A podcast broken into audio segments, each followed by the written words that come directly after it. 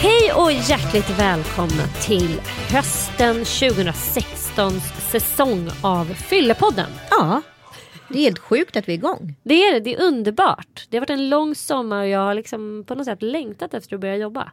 Det här första avsnittet blir lite speciellt för mig. Mm, det blir det verkligen. För det blir, dels blir det personligt på ett sätt och sen så blir det också konstigt att vara journalisten på ett sätt och ställa de här personliga frågorna. Du har ju varit lite personligt. nervös inför det här. Ja, faktiskt. Hur nära kan man gå med någon som man känner lite grann? Hur ska man göra för att inte trampa någon på tårna? Det är så lätt att det blir fnissigt, förstår du? För att man inte, antingen för att man är intern eller för att man skapar ett skydd. Men jag ska försöka att vara så objektiv det går i det här fallet. Hörni, ska vi outa gästen? Mm. Tycker vi gör det. Ja.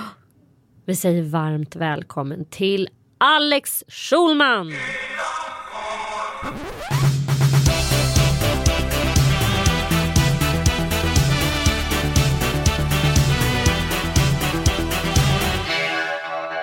Gud vad Hej. roligt att just du är här hos oss idag. Verkligen kul att vara här. Och ni har så fin studio och bullar och frukt och allting.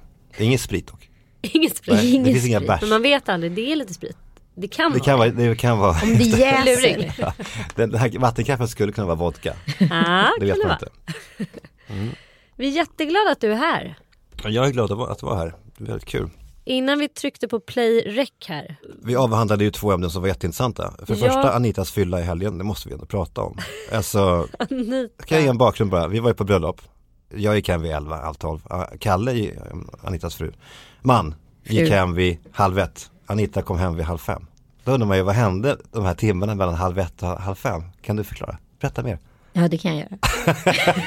Var du full? Nej, faktiskt inte. Jag dansar ju. Du vet, jag gillar ju att dansa. Ja. Så jag stod mest och dansade. Jag var i baren två gånger och så drack jag två halva drinkar. Jaha, så du var en, du var en nykter, Jag var en nykter alkoholist höll jag på att säga. otroligt. Mm. Eh, vad kul att du känner dig så involverad i vad jag gjorde i helgen. Jag tänkte involvera mig lite i hur du dricker generellt Alex. Mm. Nej, men jag är ju, vad ska man säga om mitt drickande, jag är ju väldigt, jag är ju besatt av det. Jag tänker ju på ehm, det dagligen, alltså eh, jag menar kanske tio gånger om dagen. Hur är det? Hur är det fatt egentligen mitt drickande? Alltså jag är ju väldigt vaksam på mig själv. Det beror ju på att jag hade, min, mamma var ju, eh, hade ju svårt med alkoholen och det gör ju att man själv, eller det är ju så då att man därmed har ju en mycket högre risk att själv bli alkoholist. Det kanske ni kan mer om, men det är väl, den är väl väsentligt mycket större, den, den, den risken.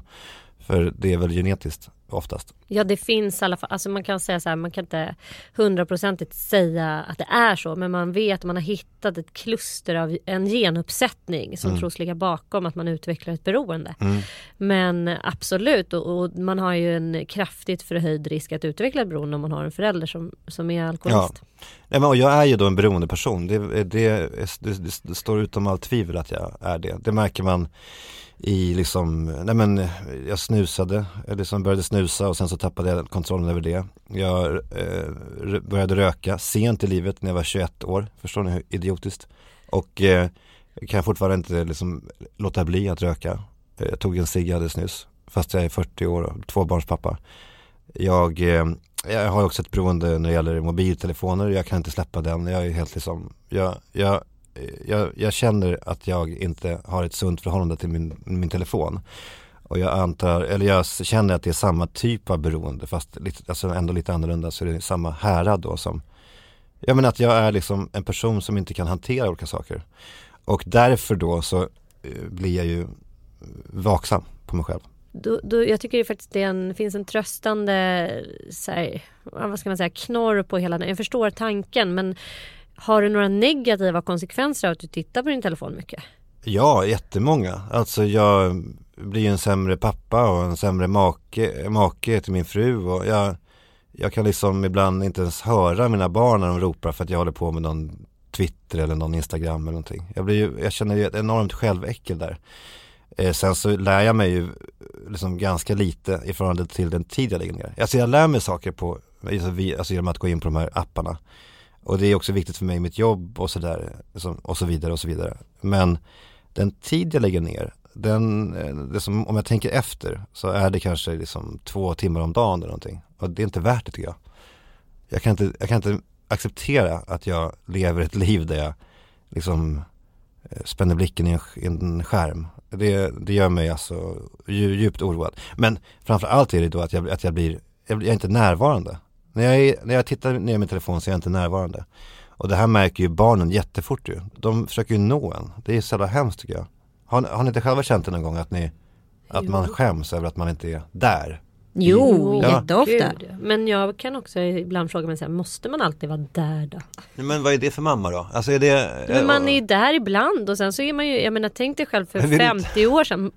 Då hade man ju jobb att göra liksom. Inte fasen kan man vara så här hundraprocentigt närvarande och bara hej titta på dem hela tiden. Det tror jag inte är bra för dem heller. Nej. Sen sitter du och jobbar i din telefon och inte på en, på, på en åker. Ja. Jag tycker inte du ska ha så dåligt samvete. Jag tror alltid att det funnits något media som har stört oavsett om det var en tv ja, eller en radio. Ja eller andra människor. Gud jag satt med min mormor liksom. Gud jag tycker hon var så onärvarande fast hon skulle i, i dagsläget liksom räknas som att hon var så här en hel yllefigur. Men hon var ju alltid upptagen med att säga jag ska stryka den här och det ska knopplas och det ska grejas ja. liksom. Förstår du vad jag menar? Ja, ni, är, ni verkar vara väldigt vi lever i förnekelse. Vi ja, lever i förnekelse. Ja, du har sett Exakt. Något. Jag, jag har den här klarsynen då. Ja. Som ni kanske får snart. Nej jag skojar bara.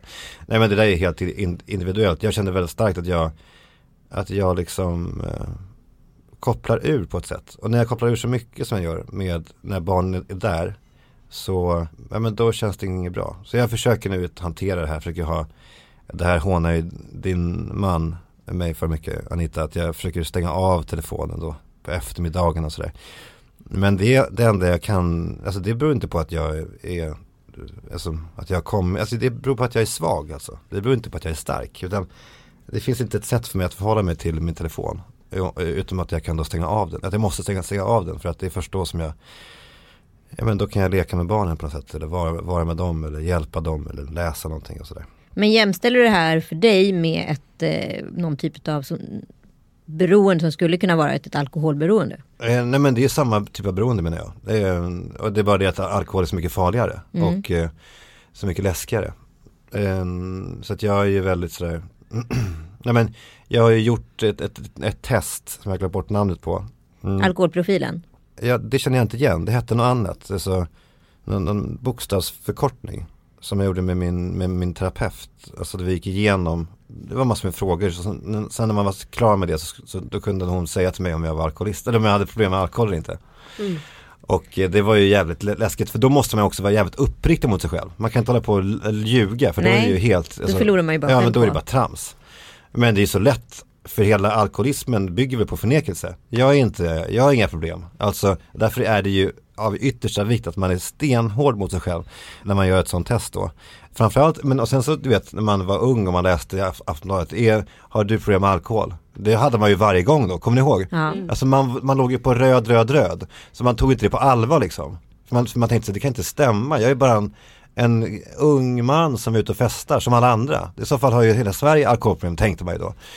Mm. Eh, men, eh, nej men jag, så att, när jag då gjorde det här testet då så Eh, eh, då var jag då i gränsen för, eller som att jag hade ett alkoholproblem. Det berodde inte på så mycket mängden alkohol, för jag skulle inte säga att jag dricker så mycket. Utan alla de här frågorna som handlade om hur ofta tänker du på alkohol? Eh, där, där var jag ju skyhög. För jag tänker på alkohol på två sätt. Dels eh, i ett bekymmersamt liksom, mode. Det är bara, fan, men sen så längtar jag ju också till alkohol. Jag är en sån jävla eh, alkoholromantiker. Alltså jag älskar ju alltså att öppna en flaska vin på balkongen med Amanda när barnen sover. Det är det bästa jag vet. Det är som romantik så att det inte är sant. Och det tror jag beror mycket på eh, min barndom. För det fanns så hemska saker med alkohol. Men de finaste minnena har också med alkohol att göra från min barndom. Alltså mamma jobbar, eh, pappa är hemma, han är pensionär. Um, han, vid fyra fem så börjar han göra ordning en supé med mortadella och rädisor och ungersk picksalami och öl och nubbe. och så kommer mamma hem och hon, har, hon är fylld av historier från arbetsdagen. Hon berättar och de dricker och liksom ödet skummar och det är så fint och sådär. Alltså, och, de, och där är mamma och pappa så, det är deras stund ju. De älskar den stunden också. Och då älskar jag den stunden för att just nu är mamma och pappa glada liksom. Och därför så blir det liksom, det blir otroligt starkt för mig då att att minnas det därför att det, det, det var så det var, så, det var så härligt ju. Sen fanns, fanns det ju andra stunder då, de flesta andra som vi var mörka med alkohol. Men, men ändå, det är därför som jag tror att jag är så romantisk kring alkohol. Eh, och, det, och, därför så tänker jag då på alkohol på två sätt. Dels så här, när får jag den här stunden igen? Kanske på onsdag. Ja, då har jag ingen poddinspelning på torsdag morgon. Då kan jag faktiskt dricka några glas där med Amanda. Och sen så börjar jag planera det här. Jag börjar liksom drömma mig bort. Jag längtar till två dagar framåt. Eh, och det har med alkohol att göra. Det, det är ju en, det är lite oroväckande tycker jag. När man liksom börjar planera sitt drickande. Men hur har liksom din relation till alkohol sett ut genom livet? För det känns som att den har förändrats lite också. Ja, nej men alltså, jag ska också, också då, då, säga det att jag dricker ju, det vet ju du Anita, du, jag tror inte du har sett mig full någon, eller kanske någon gång, men jag, jag, är nästan aldrig full. Jag kommer inte ihåg när jag var full senast. Jag är ju jätteroad av det första glaset, sen så blir jag allt mindre intresserad för varje glas som går. Ja, du blir ganska introvert och sluten och sen så ja, vill du bara gå och lägga dig. så vill jag gå och lägga mig. Mm. Så att jag vill alltid hem vid elva. Och det är ju, tror jag är min räddning. För hade det varit tvärtom, då hade man ju, det, det är inte bra då. Så att jag dricker ju alltid, jag tycker om att dricka alkohol men jag dricker väldigt lite när jag dricker. Även om jag dricker ganska ofta. Kanske tre... Jag blir nyfiken på att veta när du säger att du längtar till stunder där det då ingår alkohol. Ja. Du beskriver en rätt romantisk liksom, ja, stund. Men är det själva, är det berusningen verkligen du längtar efter eller är det liksom den här romantiken egentligen. Eh, alltså inramningen på en dag eller vad man ska säga. Mötet med din fru, är det det du längtar efter mer? um, ja, det... men det är nog både och. Men jag ska inte, jag ska inte, om jag ska vara helt uppriktig så är det ju, finns ju någonting med berusningen. Alltså den, den första glaset whisky. det blir ju oftast bara ett glas. Eller nästan alltid bara ett glas. Men det glaset whisky, det skapar ju en ett, man får ett lock över sig. När man har så mycket ångest som jag har så är det ju väldigt skönt att, att slå av de känslorna. I, i, I, den meningen så är ju alkohol en medicin då. Vilket ju är, eh, eh, ja men det är som det är. Men, men, men, så att, men sen så är det också den stunden ju. Alltså att barnen sover och jag får prata med, med, med min fru och vi, vi kan liksom, och det är ett eko från barndomen. Det, det är alla möjliga saker som spelar in där. Som gör att den stunden ändå blir härlig. Men jag får i alla fall ett intryck av dig Alex att du har ju ett sinne som jag överhuvudtaget inte besitter. Det är ju att du är så oerhört känslig och så oerhört närvarande i varje sekund. Alltså att du tar in ditt, ditt liksom sammanhang på ett sätt som jag nästan inte har träffat någon annan person som gör. Ja. Och jag tänker att det är så här, förstärks allting i den zonen? Eller hur funkar, alltså jag, jag vill liksom veta mycket mer om dig än vad du bara berättar vad som är viktigt i den ja, här nej, men jag tror att den, den, Jag tror att den slås av. Alltså den här radarn som jag har på alltid, den kan jag ju stänga av då med alkoholen. Och det är det som blir så skönt också. Den gör det lite mindre känslig. Ja, ja verkligen. Och eh, jag märkte också det, jag hade ju en sommar som många andra där jag drack eh, liksom, mer än vad man gör i vanliga fall. Så att jag kanske drack eh, liksom, ja men 20 dagar i sträck. Alltså några glas vin sådär, men ändå alla dagar. När jag sen var nykter en kväll Eh, då la jag mig i sängen så tänkte jag så här, eller då kom liksom de här rena tankarna tillbaka. så man bara, är det så här det är? Att tänka rent? Nej men det var ändå en jävla sjuk upplevelse. Att tänka klart och kunna se liksom eh, samband och, och det, att ligga där i sängen och sortera dagen så. Som jag inte hade kunnat göra på 20 dagar för jag hade varit lite avtrubbad. Det var ändå avgörande för det beslut som jag då tog. Att eh, sluta med alkohol. I alla fall under ett år. Men vad då? Menar du att du har slutat med alkohol? Ja, jag ska sluta med alkohol på måndag. Ska du? Ja, för att jag och Sigge åker till New York. Den, resan har vi sett fram emot så länge. Det ska bli min sista alkoholresa på lång tid. Eh, sen på måndag när jag kommer hem då så ska jag, för jag är, jag är trött på att vara fånge i, jag ska man säga, jag är trött på att vara fången i de här tankarna. Eller att jag liksom alltid är, jag, jag vill vara fri helt enkelt. Jag säger, alltså jag säger absolut inte att jag eh, har ett alkoholberoende. Men, jag, eh, men på något sätt så har jag nog det ändå. I den meningen att det har vi alla vi som vi, vi, vi som dricker och vi som gör planer och vi som älskar glas och sådär. Jag, jag vill bli fri från det lika mycket som jag vill bli fri från cigaretter och från mo mobiler. Eh, så att jag eh, bestämde mig för det eh, för ett par veckor sedan att det får liksom nu får det, nu får det räcka alltså på ett tag. Jag ska se det som en prövoperiod, kanske ja, men ett år eller så. Wow. Mm. Men du, jag, det, det är inte helt eh, konstigt att man, eller i alla fall för mig, för jag har ju läst uh, att du kommer med en ny bok i höst. Mm. Som eh, heter Glöm mig. Mm. Som handlar om din mamma. Mm. Eh, kan du berätta lite grann om boken? Nej men den handlar om eh, min mamma. Eh, alltså jag skrev ju en bok om min pappa 2008. Jag skriver ju bara om familjemedlemmar. Eh, jag skriver ju mest självupplevda, självupplevda saker. Eh, och, ehm, eh, men, och i den boken så var du som mamma inte med därför jag kände att jag inte, jag ville, alltså för att jag, jag hade liksom inte det i mig att beskriva det då. Men det här är en bok som jag har funderat på i 30 år för det är ju kärnan av allting som utgör min barndom då.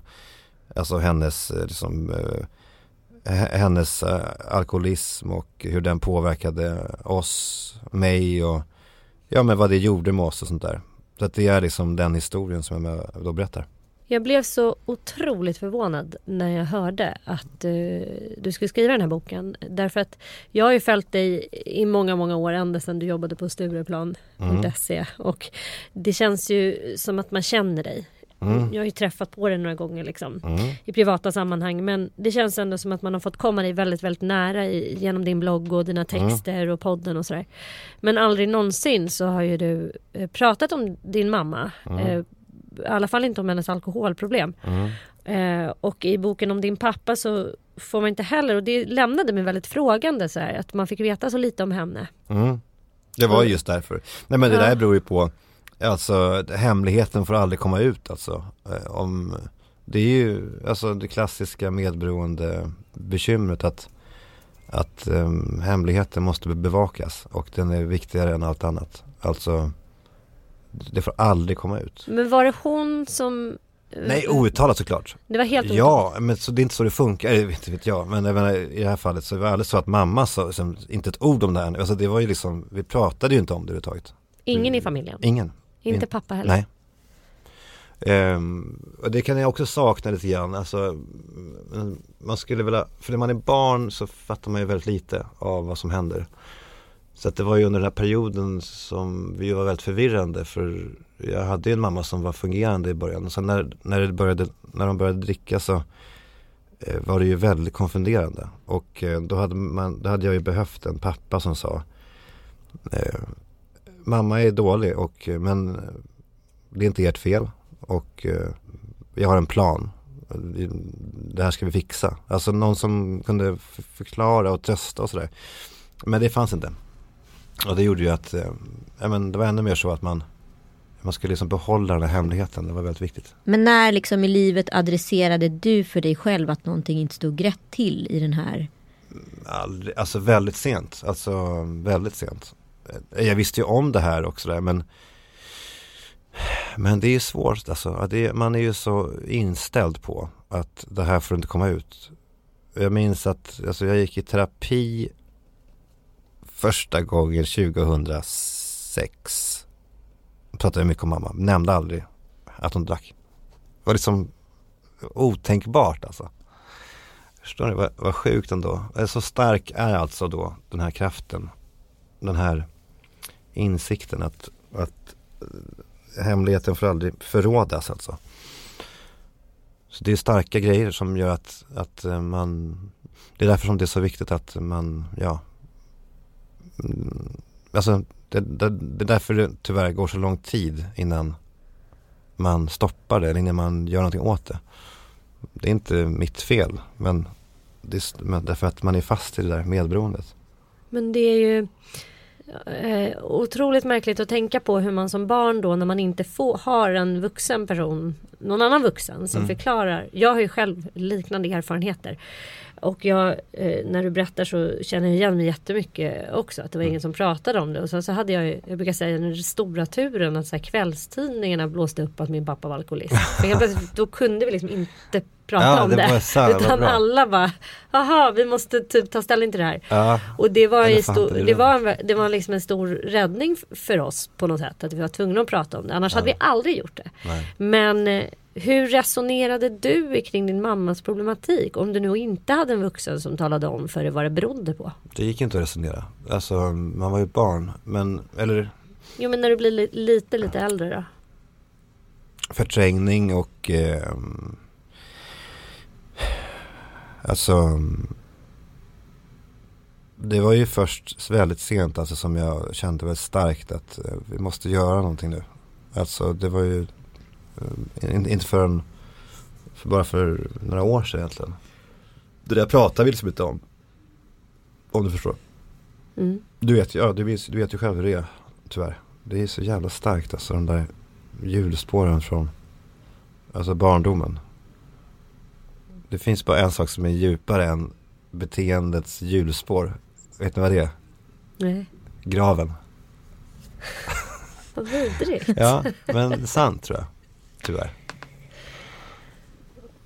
Du ha orden? Tack så mycket, hej!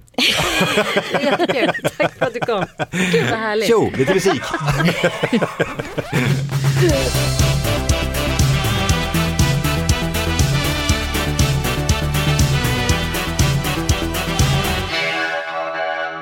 Alkohol kan vara gott och öka trivseln men det ställer också till många problem. För de som dricker och för de som finns intill och för samhället. För att det ska finnas en motkraft och för att människor ska reflektera över sitt drickande finns den idéburna organisationen IQ. Vill du veta mer? Kolla in iq.se.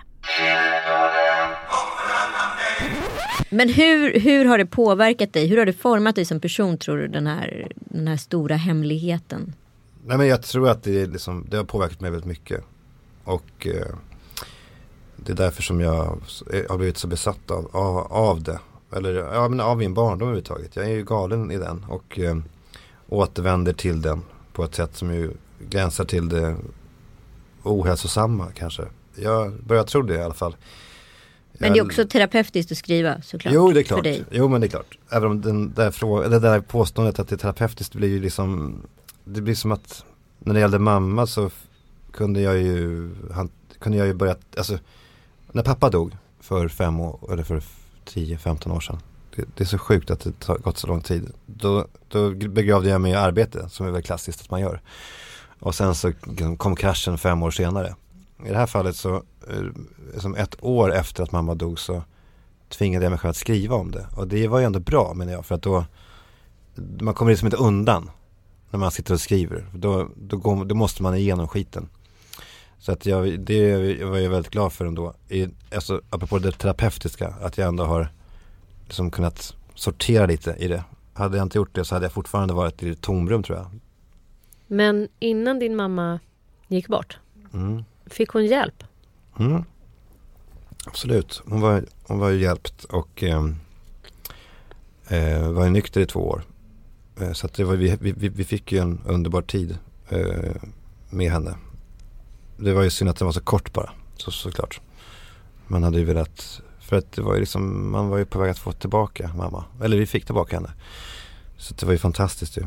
Och väldigt synd att det inte kunde vara lite, vara lite längre.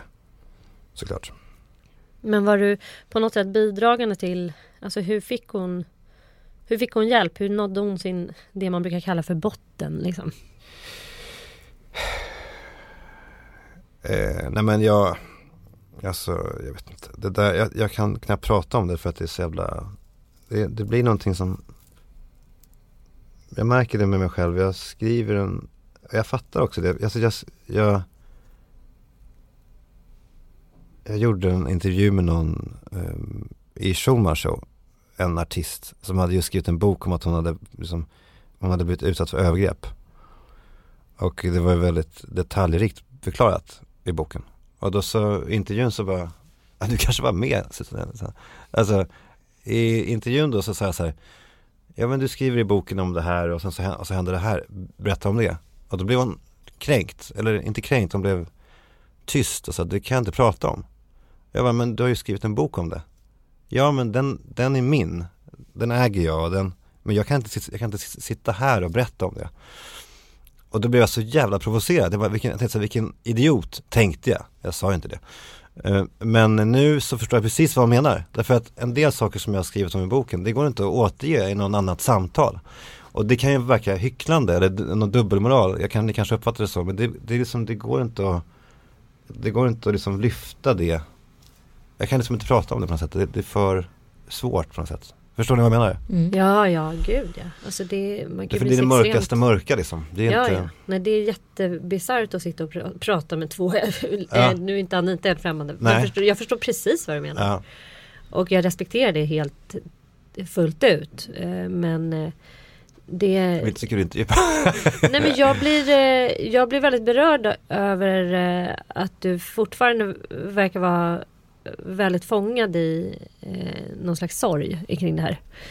Ah, sorg är lite fel ord. Jag är väl Det är fortfarande en längtan tror jag. Alltså det är någonting med mm, eh, Det är liksom Ja, längtan. Men ja, det är sorg, det är väl samma sak på ett sätt. Ja. Kanske att jag fortfarande har en sorg. Eh, som spänner över 40 år alltså. Att det blev som det blev. Jo, men... Eh, det finns inte så mycket sorg över att mamma är död. Jag tänker inte så mycket på det. Utan jag tänker mer på eh, men på eh, det som hände alltså i barndomen. Där, där kan jag känna en sorg, verkligen. Och eh, jag kan känna självömkan. Alltså att det är synd om mig och om oss barn. Och, ja, du vet sådär. Hur tänker du själv med runt dina egna barn och eh, alkohol?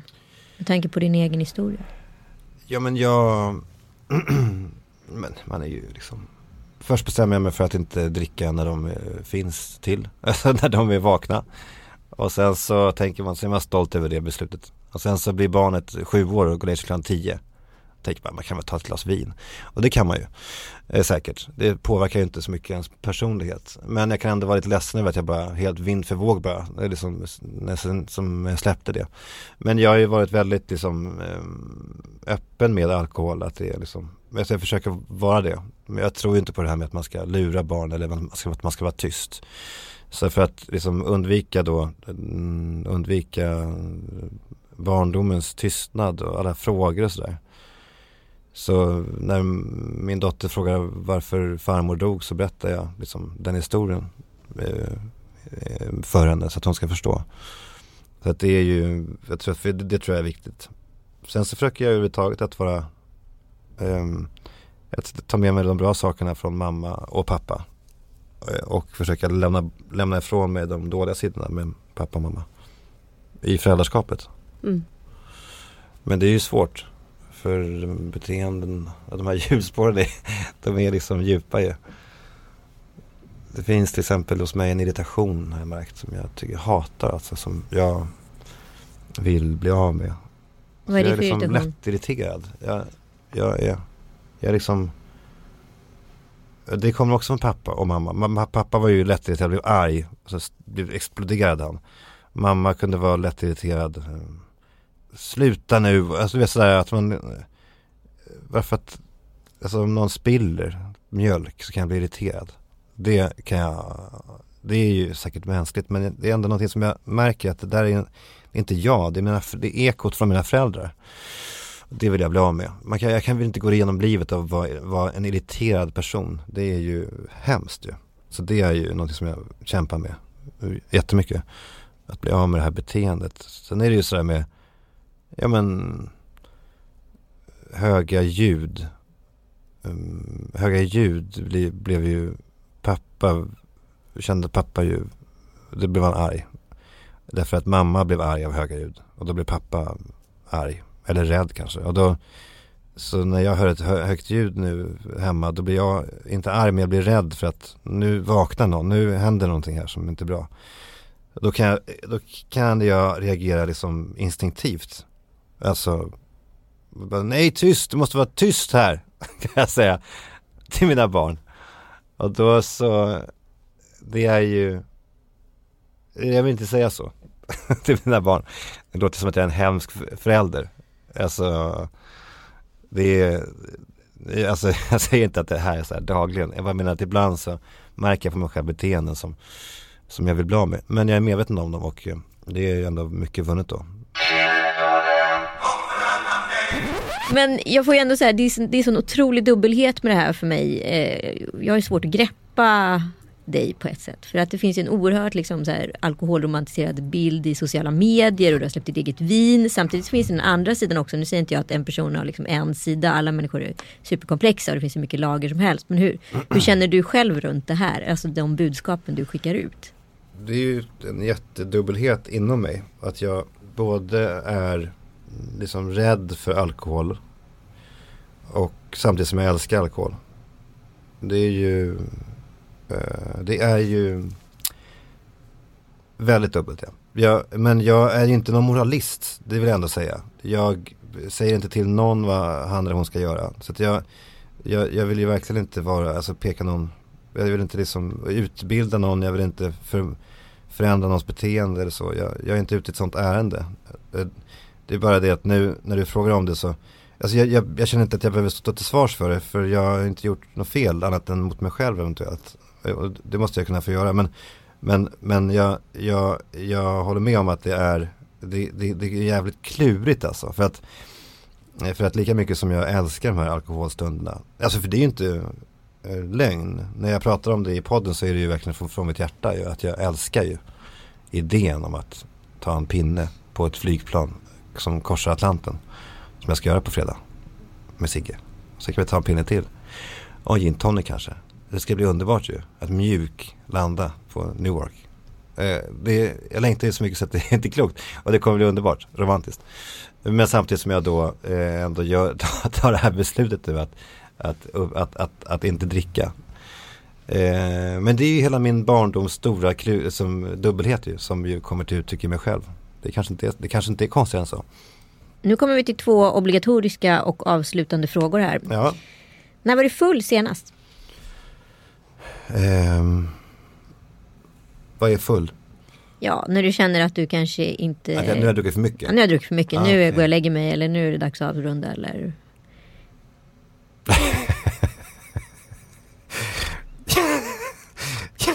ja, eh, nej. Nej men jag... Du är full nu. Nej, nej men jag, nej men... Eh, Fast svårt alltså, för, eftersom det är så Men det var ju nog väldigt länge sedan. Alltså jag vill inte nu, alltså jag bara känner att Eller jag kommer inte ihåg när jag var för full. Det, Utom liksom 2009 när Nej men inte för för, full Ja alltså. full, nej men Nej men jag känner att nu, nu har jag druckit för mycket. Ja. Jag minns när Tusen apor blev nedlagt. Då tog jag en sån otrolig fylla. Och då fick Amanda klä av mig. Kläderna för jag kunde klara inte av det själv. Då är man ju för full. Då var man för full. Eh, men jag har aldrig varit med om något sånt. Jag, liksom, jag får inga minnesluckor eller och ditt jag, värsta jag fylleminne det är då också eller? Nej men det är ju, det handlar, de minnena handlar väl mer om att när man tar tre glas vin och så säger man någonting som man inte skulle ha sagt annars till sin bordsdam på någon middag. Och sen så tänker man dagen efter, fan att jag, så var det där verkligen nödvändigt, det där var ju ändå bara skvaller, eller det där var bara ondsint och kommer det komma fram nu till den här tredje, du vet, så att, något sånt där. Så jag gör ofta ångest för saker som jag, som jag ibland säger sådär, som, som liksom är lite uppeldat av tre glas vin. Men det, jag, jag har aldrig någon sådär, liksom jag har inte gått ut i Humlan och bajsat eller sådär. Det, eh, som du gjorde förra helgen Anita. Precis. Det alltid gör. Det är en liten vana En liten Nej, men Det är din fyllritual. Först en hamburgare, sen en, en skit i humlan. Nej, men du måste sluta med det. Ja, Tack för att ni har lyssnat på Fyllepodden. Det var två frågor. Det var två. Det var, det var, det var full senast, när var ditt värsta fylleminne. Jaha, oh, förlåt, okej. Okay, okay. Mm.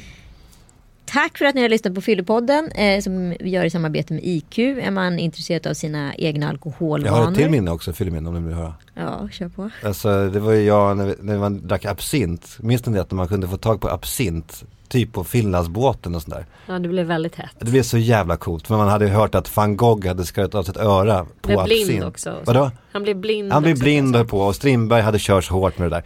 Ja, så då var ju absint liksom, då ska man dricka mycket absint. Och då så drack vi absint. Eh, utav bara helvete. Alltså. Du Amanda. Nej, det var nu. Igår. ja, det var också med barnen faktiskt. Eh, Nej men det kanske var 2001 eller någonting. Ja, eller 2005. Nej men 2000, och 1998, alltså det var jättetidigt. Ja och då så drack vi det och då så, det här var på Söder när jag bodde på Söder. Då gick vi sen ut och då så minns jag att var, vi gick på bilarna. Skånegatan fram. och det gick ju så mycket bilarland då för man gick ju på bilarna. Så att hela Skånegatan var som, ett, en, liksom en symfoni av bilalarm då. Eh, det var ju en sån grej, hade man gjort det här idag då hade man ju haft lite ångest. Men jag tänker att jag var ändå 19 år. Det måste Det vara preskriberat. Det är det. Absolut. Tusen tack för att du kom. Tack själv, Verkligen stort tack, det var jätteroligt. detsamma.